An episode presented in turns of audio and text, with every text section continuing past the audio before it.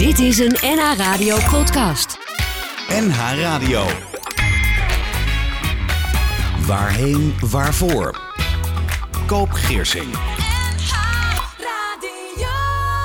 Sterven is een moment. Het verlies overleven duurt een hele tijd en het gemis zal nooit echt overgaan. Maar ooit zullen de herinneringen aan het leven van je geliefde dat moment van sterven en verdriet overstijgen. Ik ben Koop Geersing en we praten over leven en dood. En mijn gast is een veelgevraagd rouwspecialist. Een rode draad die door zijn leven loopt is dat hij al meer dan 50 jaar zoekt hoe je mensen kan helpen bij verlies en verdriet. En dat is nog steeds zijn zorg geweest, ook al heeft hij in de gezondheidszorg alle functies doorlopen die je maar kunt bedenken. Vrijwilliger, als student op de oncologische afdeling van het ziekenhuis, klinisch psycholoog, directeur patiëntenbegeleiding en directeur patiëntenzorg in het grootste ziekenhuis van België, staatssecretaris Volksgezondheid en hoogleraar aan de faculteit Geneeskunde van de Katholieke Universiteit de Leuven. En daarnaast auteur van verschillende bestsellers over verdriet en over verlies. Manu Kersen, welkom. Dankjewel. Vrijwel alle gasten in dit programma hebben gemeen dat ze ergens naar een boek of een uitspraak van u verwijzen. U bent de rouwexpert in Nederland en België en al meer dan 50 jaar zoekt u hoe je mensen kunt helpen bij verlies en verdriet. Hoe, hoe is dat destijds begonnen? Och, ik, uh, ik heb als kind geleerd om daarmee om te gaan. Ik ben in mijn kinderjaren, uh, toen ik acht, toch acht jaar oud was, misdienaar geworden. En wij, wij, mochten de klas verlaten voor elke uitvaartviering toen in die tijd. Vandaag zou dat niet meer kunnen. Maar uh, wij, hadden, wij waren thuis ook de enige uh, misdienaars die telefoon hadden thuis. En als de pastoor uitgenodigd werd om het laatste sacrament bij een stervende te brengen, had hij een misdienaar nodig met een bel en een lantaarn. Ik ben dus tientallen keren als kind van de lagere school uh, meegaan met de pastoor door de straten en door de velden naar de slaapkamers van de gezinnen waar iemand stervend was. Ik heb daar heel veel verdriet gezien, maar ik heb daar ook heel veel verbondenheid gezien tussen mensen. Op die momenten, die intense momenten van verdriet, voel je vaak ook die intense verbondenheid tussen mensen. Uh, en daar leerde ik eigenlijk, dat hoort tot het leven. Maar toen ik dan als klinisch psycholoog afstudeerde en ging werken, kwam ik in een gezondheidszorg terecht die daar helemaal niet mee kon omgaan. Dat was de tijd dat men aan kankerpatiënten nooit vertelde dat ze kanker hadden, dat ze zouden sterven. Er werd gesproken over een ontsteking uh, die men zou helpen behandelen. Maar dood en sterven kwamen niet ter sprake. Uh, en als men dan met sterven werd geconfronteerd, werd dat zo omzeild en, uh, uh, en, en, en, weggeduwd, uh, weggeorganiseerd bijna. Dat ik dacht, maar dit klopt toch niet. je laat mensen in eenzaamheid achter. Ja, ja, ja. Het, het is toch niet niks om als een, als een jongetje, een kind van acht jaar, al zo in die wereld van leven en dood te moeten omgaan. Hebt, hebt u als kind daar nooit last van gehad? Ik heb er eigenlijk geen last van. Ik moet zeggen, we hadden een zeer attente pastoor ook, die ook met gevoelens kon omgaan. En als wij terugkwamen van zo'n van zo'n uh, laatste sacrament, vertelde hij wat hij beleefd had. Oh ja. En hoe die mensen bij hem waren overgekomen. En vroeg hij ook aan mij om te vertellen wat het voor mij had gedaan. En wandelend door de sneeuw, door de lente, door de herfst, waar we uh, de, de, natuur zagen sterven en tot groei komen, uh, vertelden wij over wat we aan het sterfbed hadden gezien. Uh, vandaag noemt men dat emotionele debriefing. Dat, is, dat was emotionele debriefing avant la lettre. De, de pastoor moet een van uw eerste leraren geweest zijn. Ja. Ik Ja. las dat eh, in uw jeugd, in uw Vlaamse geboortedorp... eh, inderdaad om het uur de klokken geluid werden als iemand Ja. stierf... en dat naast de voordeur een kruis werd genageld. De gordijnen gingen dicht. Eh, de buren droegen de overledene zelf naar de kerk. En u Ja, zegt, ja. dat zie je eigenlijk niet meer. Nu schuren mensen wel duizend anderen de hand, maar ze voelen niet meer die Ja, diepe verbondenheid. En dat terwijl er toch heel veel aandacht is op dit moment voor rouw en verlies op radio. Hè? U maakt podcasts eh, op tv, op YouTube. Wat, wat hebt u die afgelopen 50 jaren zien veranderen? Wel, ik heb, eh, ik heb wel een aantal dingen zien veranderen. Door de opkomst van de palliatieve beweging is levenseinde en sterven ook een stukje meer bespreekbaar geworden. Maar toch voel je iets van die angst van heel veel mensen die er te weinig mee geconfronteerd worden, daar fundamenteel eigenlijk in zitten. Eh, ik denk bijvoorbeeld, wij zijn nu België en Nederland zijn de twee eerste landen ter wereld die een wetgeving hadden die euthanasie heeft goedgekeurd. Oh ja. Ook euthanasie heeft ook weer levenseinde ter bespreking gebracht. Maar ik zie ook een aantal mensen kiezen voor euthanasie als ze bang zijn van te sterven. Nog steeds? Eh, eh, Ze, ze willen dood, ze, ze willen eh, bij wijze van spreken doodgespoten worden omdat ze bang zijn van het sterven. Waar komt dat van, denkt u? Wel, dat is heel begrijpelijk. Als je met iets niet meer bent opgegroeid, als je iets niet meer hebt geleerd, eh, is dat heel normaal dat je bang bent van iets waarvan, waarover je niets weet. Ja. Eh, je moet eens kijken hoe kinderen iets leren. Kinderen groeien op in een woonkamer en spreken de taal die rondom hen wordt gesproken door na te bootsen wat ze bij volwassenen zien en horen. Oh ja. ja. Kinderen leren hun eerste stapjes zetten door na te bootsen wat volwassenen doen. Kinderen die in een dierenwereld zijn opgegroeid, die lopen niet op twee benen zoals wij, maar die lopen op handen en voeten zoals ze de dieren in het bos hebben zien doen. Die nemen dat over. Ja, die nemen het over. Je moet je eens de vraag stellen, waar zien kinderen in de woonkamer van hun leven nog iemand die zorgt voor iemand die ernstig ziek is en stervend is? Vroeger had je meerdere generaties onder eenzelfde dak. En kinderen groeiden op en zagen grootouders in de woonkamer waar ze leefden ziek worden en sterven. Ja. Grootouders werden ook niet zo oud als vandaag. Eh, op een eh, goede v- eh, 50 jaar is onze levensverwachting met 30 jaar toegenomen. Mhm. Dus sterven is iets geworden waar je tijdens het leven niet meer moet aan denken, want het is iets geworden van de derde, de vierde en binnenkort van de vijfde leeftijd. Oh ja. En door de evolutie van de geneeskunde is het vaak verschoven naar ziekenhuizen, verpleeghuizen en woonzorgcentra. Ja, we, dus vandaag- we maken het niet meer mee in onze Nee. dagelijkse omgeving. Nee. Ik kan vandaag 30, 40 jaar worden zonder je ooit met sterven bent geconfronteerd. Ja, ja, ja. Ik werd trouwens vroeger als kind weggestuurd hè, als er iemand gestorven Ja. was in mijn eh, naaste omgeving. Want dat was niet goed voor kinderen. Je moest ze daar Ja, juist ja, niet eh, bij betrekken. Maar ik voelde natuurlijk als kind altijd wel het verdriet wat er was. Zijn we, zijn we tegenwoordig ook te weinig bezig met de dood en het verdriet dat daarmee gepaard gaat? Ontwijken van wel, ja. Ja, vindt u Eh, dat? eh, en pas op, het moet bij de kinderen beginnen, hè. Ja, Als je kinderen anders leert mee omgaan. Hè. Ik herinner mezelf nog, ik was zes jaar oud. Toen een jongetje van vier door een vrachtwagen is doodgereden in onze straat. En s'avonds gingen we met de vier oudste kinderen een laatste groet brengen aan het overleden kind. oh ja. Ik zie het nog voor ogen alsof het gisteren was. Het is meer dan 65 jaar geleden. ja. Maar ik zie nog altijd dat jongetje liggen tussen die witte lakens in die voorkamer van die woning. Enkel een handje van het kind konden wij zien. Het hoofd was één bol wit verband, want het hoofd was verpletterd onder de wielen van die vrachtwagen. Ik zie die ouders nog staan huilen naast het bed. Ik herinner me die avond uit mijn kinderjaren als een avond waar wij veel langer mochten opblijven dan normaal. Een avond waarop wij een intens gesprek hadden met onze ouders. En een avond waarop we midden in de week een, tas, een kop warme chocolademelk kregen. Ik heb daar geen afschrikwekkend beeld aan overgehouden. Nee. Eh, toen ik later aan het sterfbed van mijn moeder zat, die op, drie, eh, op 63-jarige leeftijd aan kanker is gestorven, zei ze ooit: Goed dat jij psychologie gestudeerd hebt, dat wij zo eerlijk en zo rustig over alles wat ik hier meemaak met elkaar kunnen praten. Ja. De meeste mensen kunnen dat niet. Ik zei, mama, uh, denk je dat ze dat leren in de psychologie? Waar heb jij dat dan geleerd, zei ze.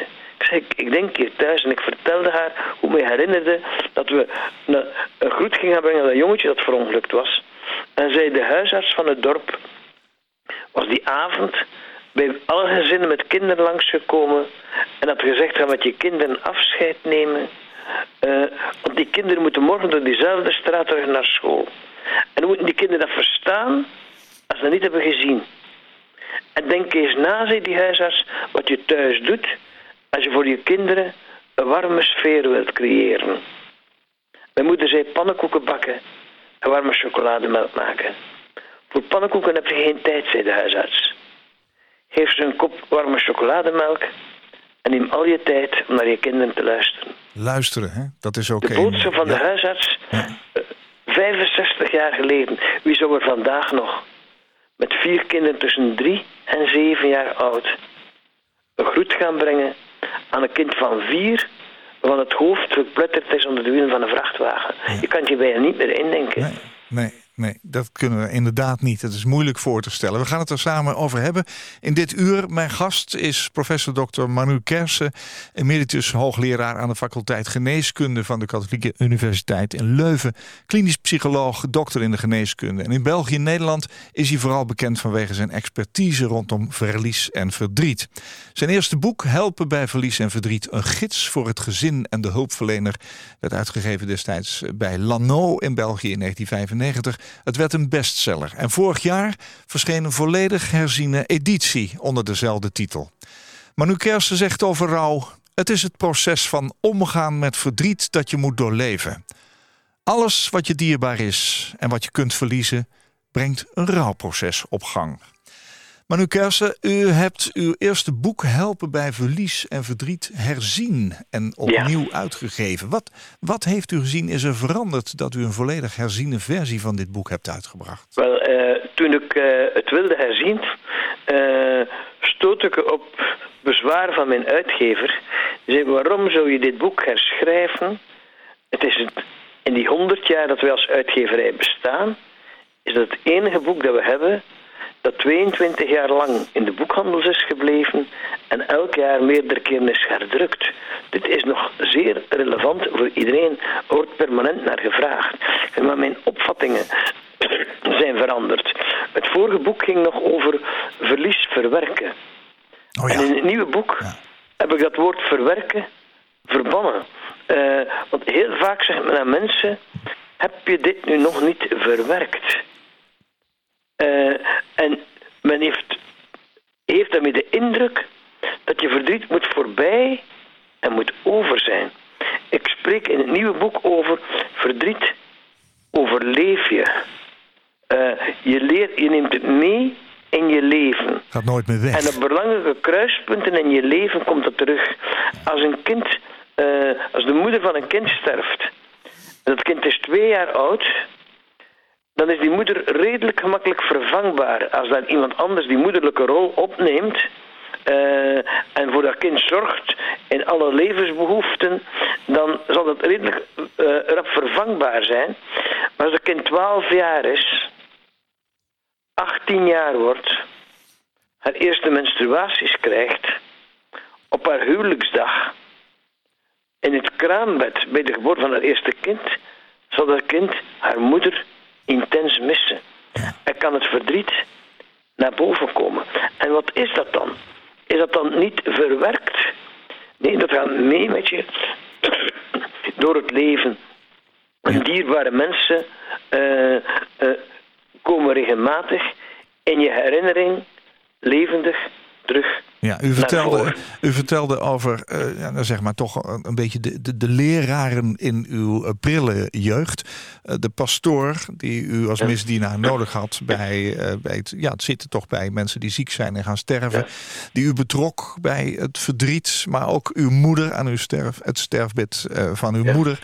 De, uw moeder was een, een introverte vrouw, heb ik wel eens begrepen uit uw verhalen. Maar zij heeft met u hele goede gesprekken gevoerd aan haar sterfbed Ja. Zijn er kruispunten in uw leven waarop u ook weer uh, dat moment van dat jongetje wat onder die vrachtwagen kwam en de chocola na afloop en het gesprek daarover tegenkomt en waardoor dat weer naar boven komt? Ja, ja. Er zijn heel veel, heel veel momenten waarop uh, die herinneringen me heel concreet weer voor ogen komen op alle mogelijke manieren. Zeker als ik vaststel dat in de samenleving kinderen worden weggehouden of men ook in de media uh, boodschappen brengt die denkt mensen jullie zijn nu eigenlijk schade aan het aanbrengen in plaats van aan het helpen. Welke boodschap hebt u dan voorbeeld. Ja? Op een bepaalde dag valt een kind van vier jaar in de deegtrog in een bakkerij. De kinderen spelen verstoppertje en een kind kruipt op die deegtrog, trapt met haar voetje op die knop en zet die deegtrog aan en valt voorover in die deegtrog en wordt gekneed in de deegtrog in de bakkerij. Er zijn vier jonge kinderen die, uh, dus die, die, aan het spelen zijn in die bakkerij die zondagnamiddag. Een verschrikkelijk ongeval. Uh, zoiets komt op de eerste bladzijde van de kranten. En op de eerste bladzijde van de kranten stond... die ouders kunnen die bakkerij nooit meer open doen. Dacht, maar mensen vertellen nu toch zo'n onzin niet. Die vader is bakker. Dat is een gezin met nog drie andere levende kinderen. Die mensen moeten toch hun, hun inkomen hebben. Die mensen moeten geholpen worden om tussen nu en tien dagen die bakkerij ter open te doen. Ik heb een contact gekregen met die mensen. Ik heb naar de krant toe daarop gereageerd. Van schrijf zo'n dingen niet. Dat die mensen die bakkerij niet meer kunnen openen. Die mensen moeten geholpen worden. En uh, die mensen hebben mij gecontacteerd. Ik heb die mensen begeleid. Om na tien dagen die bakkerij ter open te doen. En hij zegt van. Zet een rood kaartje op de, op de toog. Als je er niet over wilt praten. Zet een groen kaartje. Als je er wel over wilt praten. Zet een tafel en een stoel en een schrift in je bakkerij met een pen erbij, dat de mensen iets kunnen opschrijven op momenten dat je er niet over kunt praten. Ja, want die vader, die vader kwam uit een, was een zoon uit een bakkersgezin. Ik je hebt waarschijnlijk broers en zussen die vroeger ook mee in de bakkerij gewerkt hebben van vader. Vraag dat ze de kerst- en nieuwjaardagen die komen, want het was in december gebeurd, dus de kerst- en nieuwjaardagen die komen, je komen helpen dat je niet alleen die nachten in die bakkerij zit. En ik heb een oproep gedaan aan de bevolking. Laat nu in deze omstandigheden de mensen niet in de steek. Want er waren net drie bakkers op 100 meters afstand. De kans is groot dat niemand die bakkerij durft binnen te gaan. Maar mensen niet weten wat ze moeten zeggen tegen iemand op zo'n moment. Ja. En zo help je mensen opnieuw te leven. Is het gelukt daar met, die, Uh, het is gelukt, dat, het is gelukt, het is gelukt, het is gelukt.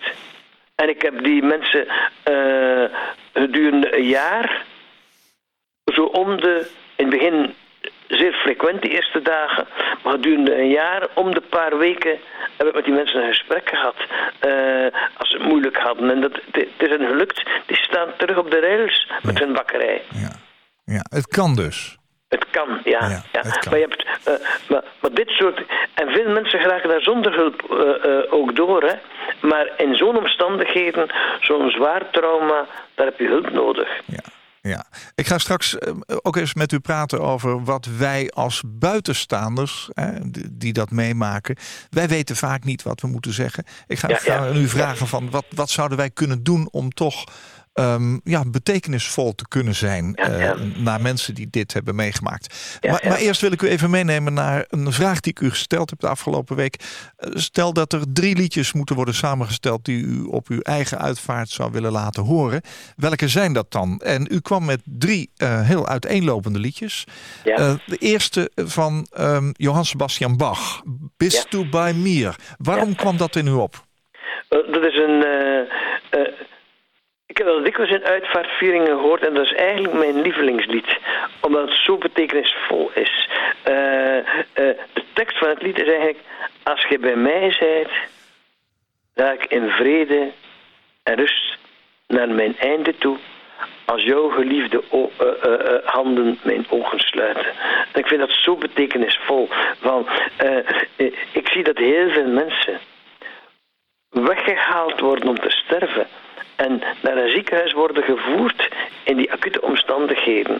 En ik, eh, weg van hun familie. Je ziet met die coronatijd hoe mensen op intensief sterven en hun familie daarbij niet aanwezig is.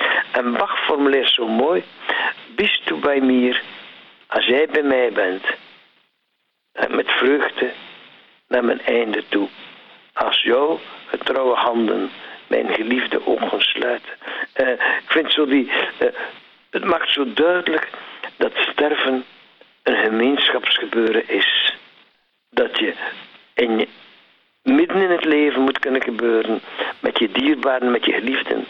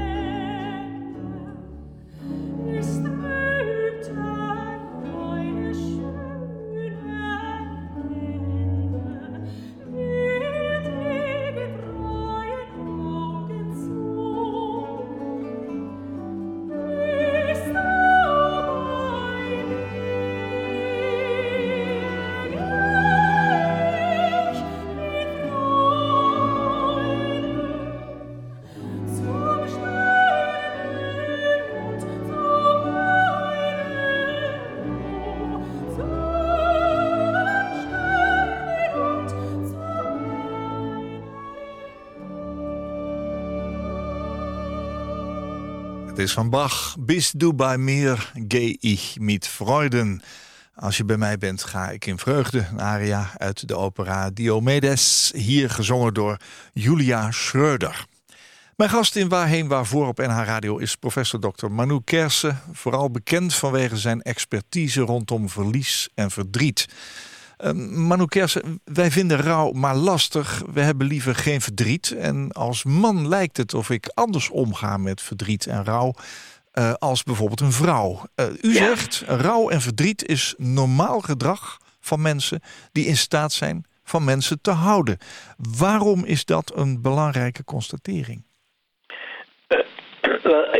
verlies, dat ervaar, verdriet, dat ervaar je als je een dierbaar iemand of een dierbaar iets verliest. Dus het heeft eigenlijk te maken met liefde.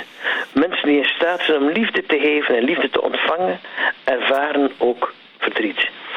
Uh, en ik heb een boekje, een schenkboekje geschreven, ook voor mensen in verdriet, met als titel Vingerafdruk van verdriet. Uh, die titel heb ik heel bijzonder ook gekozen, want uh, je ziet in verlies en verdriet, zie je hetzelfde terugkomen bij verschillende mensen.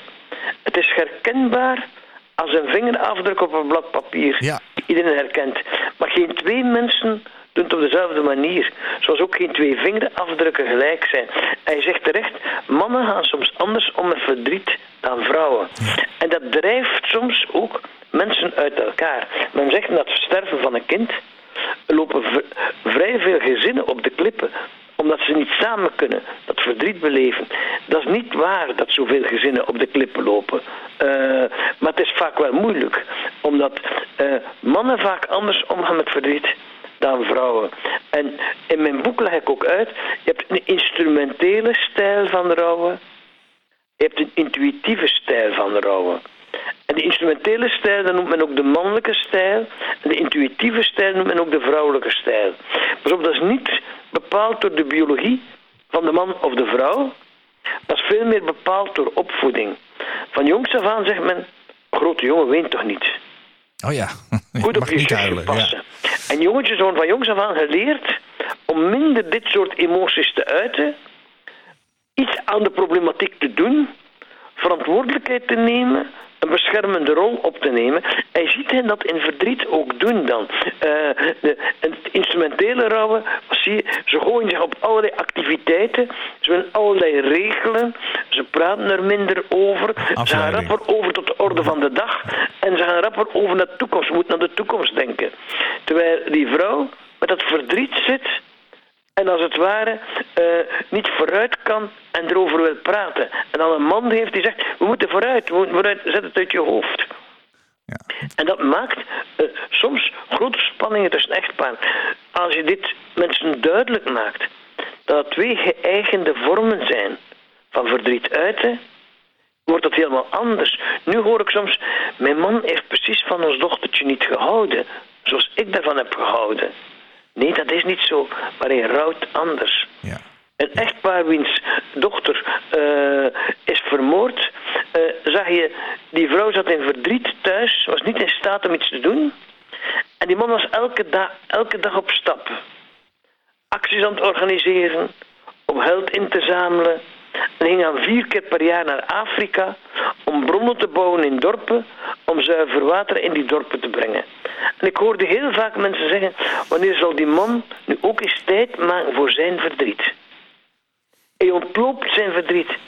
Nee, die man was constant met zijn verdriet bezig. ja, Hij instrumenteel. wilde bronnen bouwen om zuiver water in die dorpen te brengen, wat geen enkel kind nog vroegtijdig zou sterven door gebrek aan zuiver water. Ja. Want zijn dochtertje was veel te vroeg doodgegaan. En toen ze vermoord was, was ze teruggevonden in het water. Hij wilde dus met water iets doen. Toen ik dit aan die ouders had kunnen uitleggen dat er twee verschillende stijlen van rouwen zijn, vanaf dat moment gaat die moeder mee naar Afrika. En die man is aan het metsen aan zijn bronnen. En die vrouw zit op een stoel te huilen en te vertellen over haar dochter. Die mensen zijn terug samen. Ja, ja, praten, communicatie is heel erg belangrijk. Ja, ja. Eh, mijn ervaring als eh, uitvaartverzorger met dood en verdriet is dat mensen eromheen, ik net ook al even gezegd, graag goede dingen willen zeggen. Je wil graag van Ja. betekenis zijn voor de ander. Je ziet iemand die intens verdriet heeft. En ja, die dingen die je dan soms zegt, die komen bij nabestaanden wel eens verkeerd over. Welke tips hebt u voor ons? Ja, ja. Dat is, als ik aan mensen zeg, ga naar mensen naartoe, krijg ik ook dit heel vaak als reactie. Ik zou Ja. willen, maar ik durf niet. En dan zeg ik, houd je tegen. Ik weet niet wat ik op zo'n moment aan mensen moet zeggen. Nee. Eh, in, mijn, in mijn boek Helpen bij Verlies en Verdriet heb ik een hoofdstuk gewijd aan drie vragen. Wat kan je zeggen aan mensen in verdriet? Wat kan je schrijven aan mensen? En wat kan je doen voor mensen? En eh, eigenlijk je vraag zit in het hart van die eerste vraag. Wat kan je zeggen aan mensen in diep verdriet? Ik geef in mijn boek een negental tips voor mensen om makkelijker te kunnen naar mensen naartoe gaan. Eh, en, maar mijn eerste en mijn belangrijkste tip is: vergeet die vraag. Wat moet ik zeggen aan die mensen?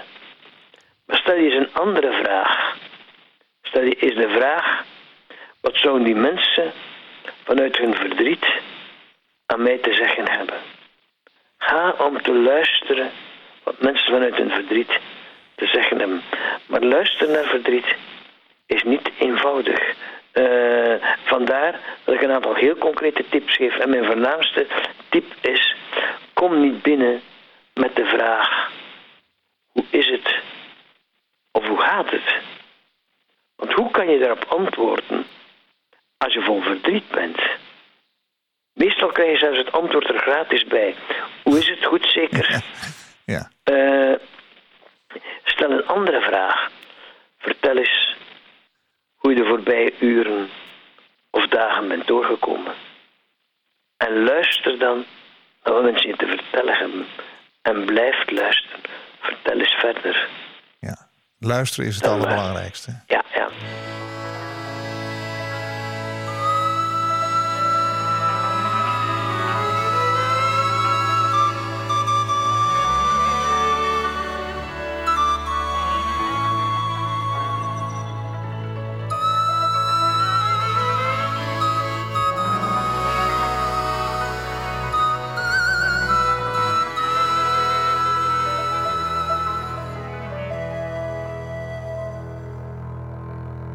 Heb een steen verlegd in een rivier op aarde.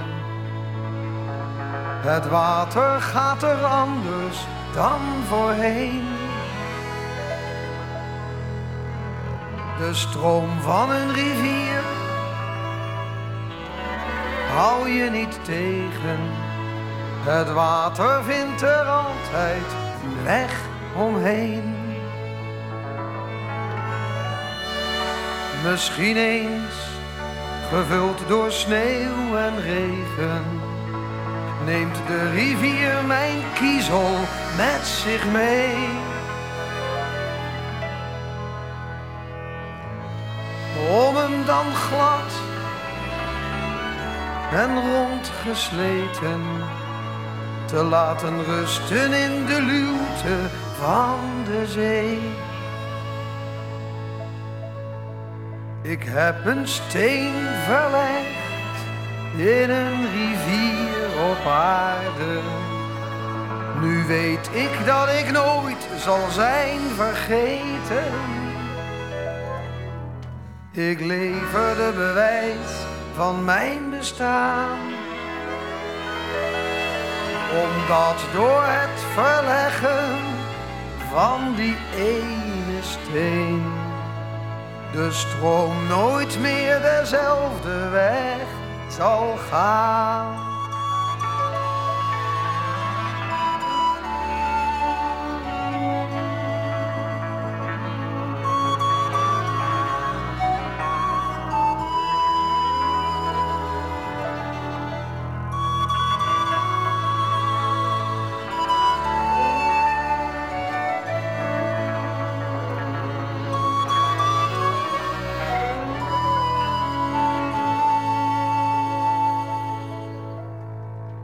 Ik heb een steen verlegd in een rivier op aarde.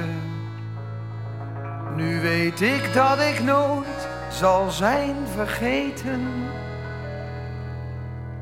Ik lever de bewijs van mijn bestaan. Omdat door het verleggen van die ene steen stroom nooit meer dezelfde weg zal gaan. De Steen is een lied van Bram Vermeulen. Het verscheen op zijn album Rode Wijn uit 1988. En het is gecoverd door vele artiesten later. Paul de Leeuw, maar ook Stef Bos en Agda en de Munnik zongen het. Na Bis du bij Mier van Bach. Uh, het tweede liedje wat u uh, hebt meegenomen vandaag, Manu Kersen. Waarom ja. De Steen van Bram Vermeulen? Wel, ik, uh, mijn levensspreuk is uh, de betekenis van je leven ligt in het verschil dat je maakt in het leven van een ander. Uh, en ik vind dat dat liedje dat zo mooi weergeeft van ik hoop als mijn leven ten einde is dat ik een steen verlegd heb in de rivier op aarde. dat ik voor een aantal mensen ook het verschil heb gemaakt. En Bram Vermeulen heeft ook over de herinnering. Verlies overleven is de herinnering blijven bewaren. Dat is eigenlijk het eindproces het eind, de einddingen van, uh, eindstadium van een rouwproces is eigenlijk opnieuw leren genieten van het leven en de herinnering levendig bewaren. Ik probeer mensen vaak ook als troost mee te geven. Sterven is verhuizen van de buitenwereld naar het hart van al de mensen die van je houden. Oh ja. En in het hart van de mensen die, die van je houden, blijf je verder leven in de herinnering. Uh, ik hoor mensen zo vaak zeggen: Mijn vader zou dat zo gedaan hebben. Hoe zou mijn moeder dat aangepakt hebben? En uh, die herinneringen gaan kostbaar mensen mee. En dan denk ik vaak, mensen zwijgen zo vaak over overledene, in plaats van hem in de herinneringen te laten verder leven. Heel onze cultuur is gebouwd op herinneringen. Je moet eens kijken, straten worden genoemd naar overleden personen. Je hebt in Nederland de Radboud Universiteit en de Erasmus Universiteit. Genoemd naar mensen die al eeuwen geleden gestorven zijn. Overleden personen worden op postzegens afgedrukt. Hij vindt standbeelden op marktpleinen. Cultuur is eigenlijk gebouwd op herinnering. En in de, het betekent een enorme troost voor mensen om die herinneringen ook te laten verder leven als hun fysiek leven is gedaan. Ja, ja, ja. We gaan even naar uw eigen moeder. U hebt daar in het begin van de uitzending al iets over verteld. Hè? Ze was 62 en kreeg kanker. En ondanks dat de artsen uh, positieve prognoses afgaven, had u zo zelf uw twijfels. U zegt, ik had een drukke baan, maar ging zo vaak als ik kon naar mijn moeder. Zo zat ik uren bij haar en luisterde. En in die maanden kwam ik erachter wat haar haar hele leven bezield had. Prachtige dingen vertrouwde ze me toe. Dat terwijl ik ook begrepen heb dat ieder boek wat u schreef, uh, bracht u bij uw moeder. En uw moeder borg het op. Ze zei niet meteen goed gedaan, jongen. Uh, ze belde u niet nadat ze het gelezen had. Maar op haar sterfbed, zou je kunnen zeggen, kwamen er allerlei prachtige dingen en kwam dit allemaal bij elkaar. Wat hebt u van uw moeder geleerd wat u in uw leven meeneemt? Oh, het belangrijkste van mijn moeder, dat ik van mijn moeder heb geleerd is van je moet, je moet graag leven, je moet met intensiteit leven, je moet er zijn voor de mensen, maar je moet ook kunnen aanvaarden dat alles ook zijn grens heeft. Oh ja. Dat je als mens niet het leven in handen hebt. Uh, uh, enkele weken voor zijn heb ik samen daar de tekst gemaakt voor het gedachtenisprentje dat in haar uitvaartviering zou worden uitgedeeld. En dat eindigde, ze dankte iedereen uh, op dat kaartje voor wat ze voor haar betekend hadden. En op het einde zei ze, ik dank ook de lieve dokters die mij in mijn laatste periode van mijn leven hebben verzorgd. Graag hadden ze mij zien genezen. Maar over de mens spreekt de mens niet het laatste woord. Ik vind het maar goed ook zo. Zo die overgave die ze had van oké, ik vecht om te overleven. Als het echt niet meer kan, ik aanvaard het dan ook. Want mijn leven is mooi geweest. Ik heb in mijn leven gedaan wat ik moest doen. En als je die conclusie kan trekken, moet je ook bereid zijn van het leven terug te geven. Denkt u nog vaak aan uw moeder?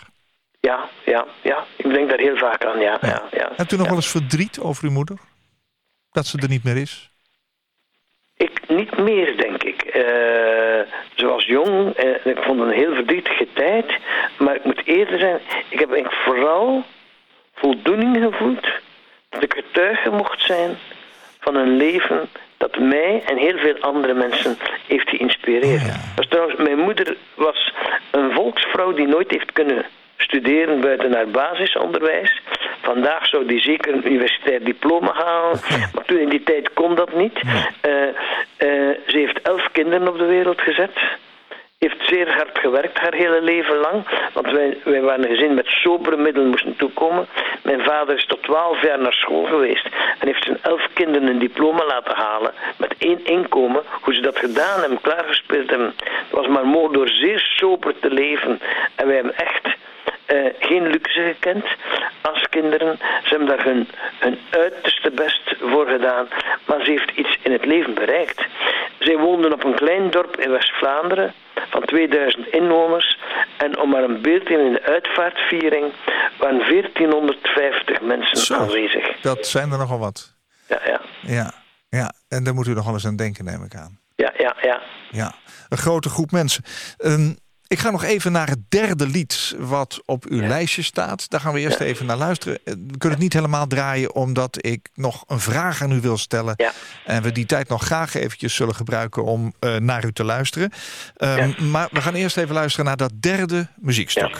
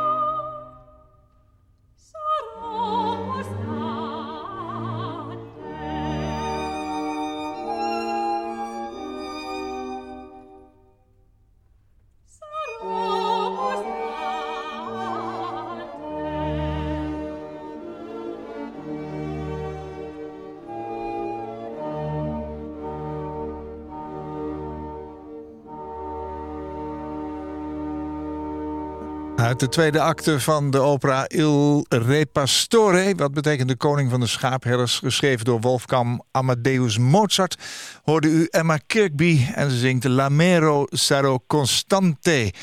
Uh, Manu Kersen, waarom dit mooie stuk van Mozart en wel uh, ook nog gezongen door deze zangeres? Ja, omdat uh, ik, ik wil eigenlijk voor de mensen heel duidelijk maken. De, de rechtstreekse band tussen verdriet, waar mensen het zo moeilijk mee hebben, en liefde en verbondenheid. Dat is wat dat lied ook probeert weer te geven. Uh, verdriet is het, zou ik bijna kunnen zeggen, het product van je liefde. Uh, als je van iemand houdt, dan voel je verdriet als er iets mee gebeurt.